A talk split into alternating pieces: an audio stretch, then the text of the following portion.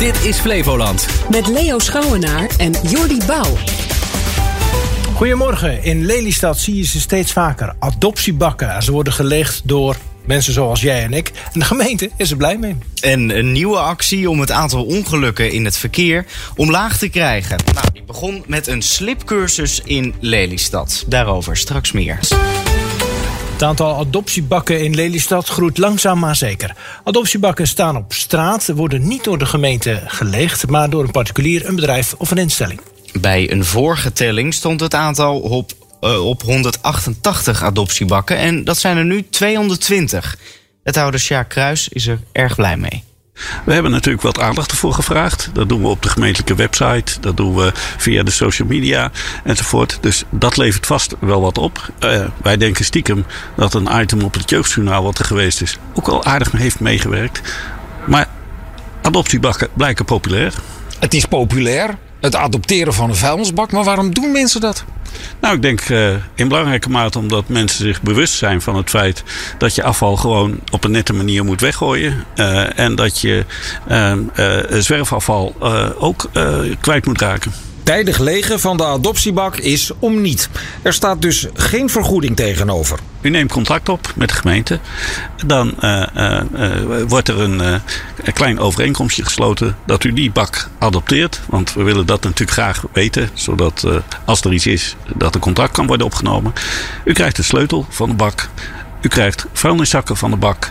En uh, u leegt die bak regelmatig en gooit het afval in de eigen container of in de ondergrondse afvalcontainer. Er staan in de gemeente Lelystad vele honderden afvalbakken op straat. Het is volgens Kruis niet de bedoeling dat al die bakken worden geadopteerd. Het is echt bedoeld voor mensen die ons daarbij willen helpen en die zelf daar een rol in willen spelen en die het van belang vinden, zoals heel veel mensen gelukkig, uh, om de stad een beetje schoon te houden. Valt er iets te zeggen over de spreiding van die adoptiebakken? Staan ze op de ene plek veel meer dan de andere? Nee, dat is wel grappig. Ze zijn behoorlijk verspreid over de stad. Nou, zelfs bij jullie voor de deur staan er een paar bij Omroep Flevoland. Dus, uh, zelfs daar? Zelfs daar, ja. Nou, heel fantastisch toch? Wethouder Sjaak Kruis van de gemeente Lelystad was dat in een bijdrage van Menno Hoeboer. Appen achter het stuur of toch even dat telefoontje opnemen. Het is levensgevaarlijk en het kost ons land 430.000 verkeersslachtoffers per jaar. Om jong en oud bewust te maken is gisteren de actie Stop Verkeersongevallen van start gegaan. En dat gebeurde op het rijvaardigheidscentrum in Lelystad. Een verslag van Sam Jones. We moeten met z'n allen voorzichtiger rijden. Een van de manieren om dat te doen is weten hoe je slipt als de weg glad is. Ja, dat doe ik wel aan. Ik heb daar geen moeite mee. Nee. Dat, is, uh, dat gaan we zien dadelijk hoe dat gaat. Daar is natuurlijk ook niks mis mee. Senioren zoals de bekende Olaf Ommerling van BNB Vol Liefde behoren tot de doelgroep van deze speciale training. Maar ook kinderen en e-bikers veroorzaken veel ongelukken, soms met dodelijke afloop. Daarom sloegen Verkeersveiligheid Groep Nederland en e-Driver Solutions de handen ineen om het aantal dodelijke verkeersongevallen te verminderen, zegt mobiliteitsexpert Aron de Git. 745 doden per jaar in Nederland is toch nog een fors aantal. Dat is altijd één te veel. Um, en dat willen we met deze alliantie minderen. Flevoland is de provincie met de minste verkeersslachtoffers per jaar. 17 tot nu toe, net als vorig jaar. Dat valt relatief gezien dus mee. Nou, landelijk is het zeker nodig. Uh, en 17 nog steeds te veel in, uh, in Flevoland. Moet je je voorstellen als je eigen kind is. Dat, uh, dat wil niemand. Dus dan gaan we hier rechtsaf. Dus... Een andere manier om ongelukken te voorkomen en je aandacht op de weg te houden is niet appen. En dan proberen met 50 te blijven rijden. En geen telefoontjes beantwoorden terwijl je aan het rijden bent. Olof? Uh, hier op onze locatie maken we mensen bewust van uh, wat ze niet kunnen eigenlijk in het verkeer. Maar met onze e-learning programma kunnen we eigenlijk een structurele uh, bewustwordingscampagne opzetten.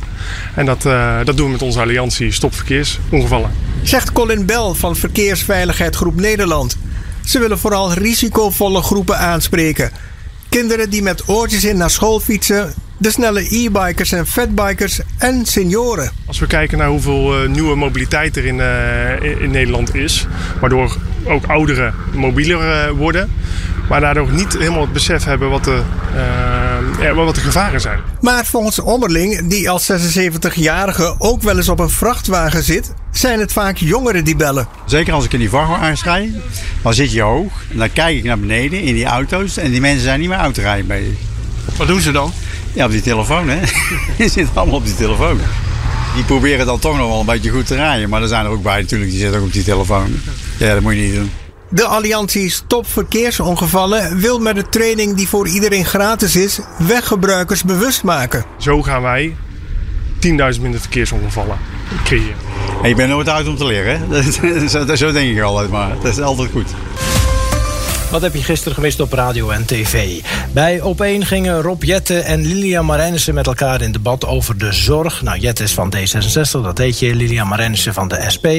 Jette presenteerde eerder op de dag een aangepast wetsvoorstel over een waardig levenseinde. Hij legt uit waarom hij dat juist nu doet. Dus we hebben al, hadden al in het wetsvoorstel zitten een levenseindebegeleider. En daar is nu ook de arts aan toegevoegd. En voor ons blijft gewoon belangrijk. Je wil dat mensen in Nederland op een waardige manier oud kunnen worden. Maar je wilt ook dat mensen juist in die die laatste fase ook die eigen regie kunnen voeren over het waardig sterven. En we worden steeds ouder met z'n allen. We gaan richting een miljoen mensen boven de uh, eh, 80 jaar. En dat is natuurlijk prachtig dat die mensen zo lang mogelijk in goede gezondheid kunnen leven. Maar je weet ook, heel veel ouderen vinden het ook fijn als ze uh, ja, meer zelf kunnen bepalen. Ja, Jette wil vooral benadrukken dat het wetsvoorstel voor de oudere doelgroep is. In Langs de Lijn en Omstreken ging het over een nieuwe uitvinding... waardoor een Franse man met Parkinson zonder problemen een paar kilometer kan lopen. Er is een speciaal implantaat in zijn rug geplaatst... En Bas Bloem, Parkinson-specialist en hoogleraar aan het Radboud UMC, vertelt hoe dat nou kan. Het aardige is dat, um, dat kennen mensen wel, het lopen als een kip zonder kop. Ja. Um, je kunt beenspieren eh, aansturen vanuit het ruggenmerg. Dan moet natuurlijk een startcommando komen vanuit de hersenen. En dat startcommando dat is kapot bij mensen met de ziekte van Parkinson. Maar zij zeggen, weet je wat, we gaan stroomafwaarts met een stimulator als het ware dat kapotte startsignaal omzeilen. En gewoon die spieren rechtstreeks vanuit de rug aanzetten. En dat waren ze, de berichten die je gisteren hebt gemist op radio en tv gaan terug in de tijd. 130.000 jaar geleden liepen hier nijlpaarden, bosolifanten en zelfs leeuwen rond. Dat zegt mammoedeskundige Dick Mol en het bewijs Mol in het depot van Museum Schokland. Dit is een onderarm van een uitgestorven nijlpaardensoort. En die onderarm die bestaat uit een spaakbeen, uit een ellepijp en die zijn samengefuseerd tot één geheel.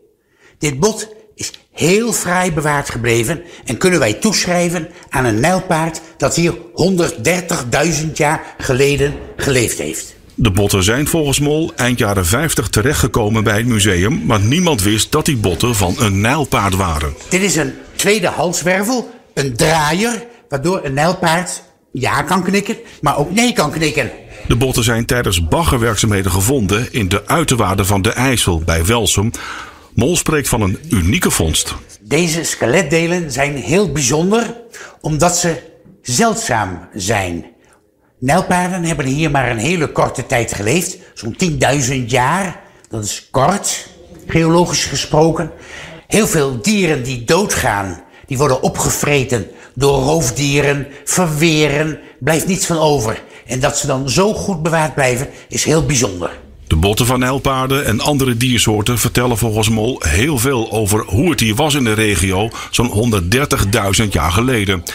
Zo was het toen anderhalve graad warmer dan nu, zegt Mol. Heel veel botten zie ik van verschillende dieren. Welke dieren zijn het? We hebben gelijktijdig met het nijlpaard, toen het hier dus warmer was, andere warmteminnende zoogdieren gehad. Een klauwloze otter, maar ook bosneushoorns, bosolifanten, Olifanten met een schouderhoogte van meer dan 4 meter. Dat zijn geen mammoeten, de iconen van het ijstijdvak, maar dieren aangepast aan een bebost biotoop. vandaar ook de naam bosneushoorn en bosolifant, maar allemaal nu uitgestorven.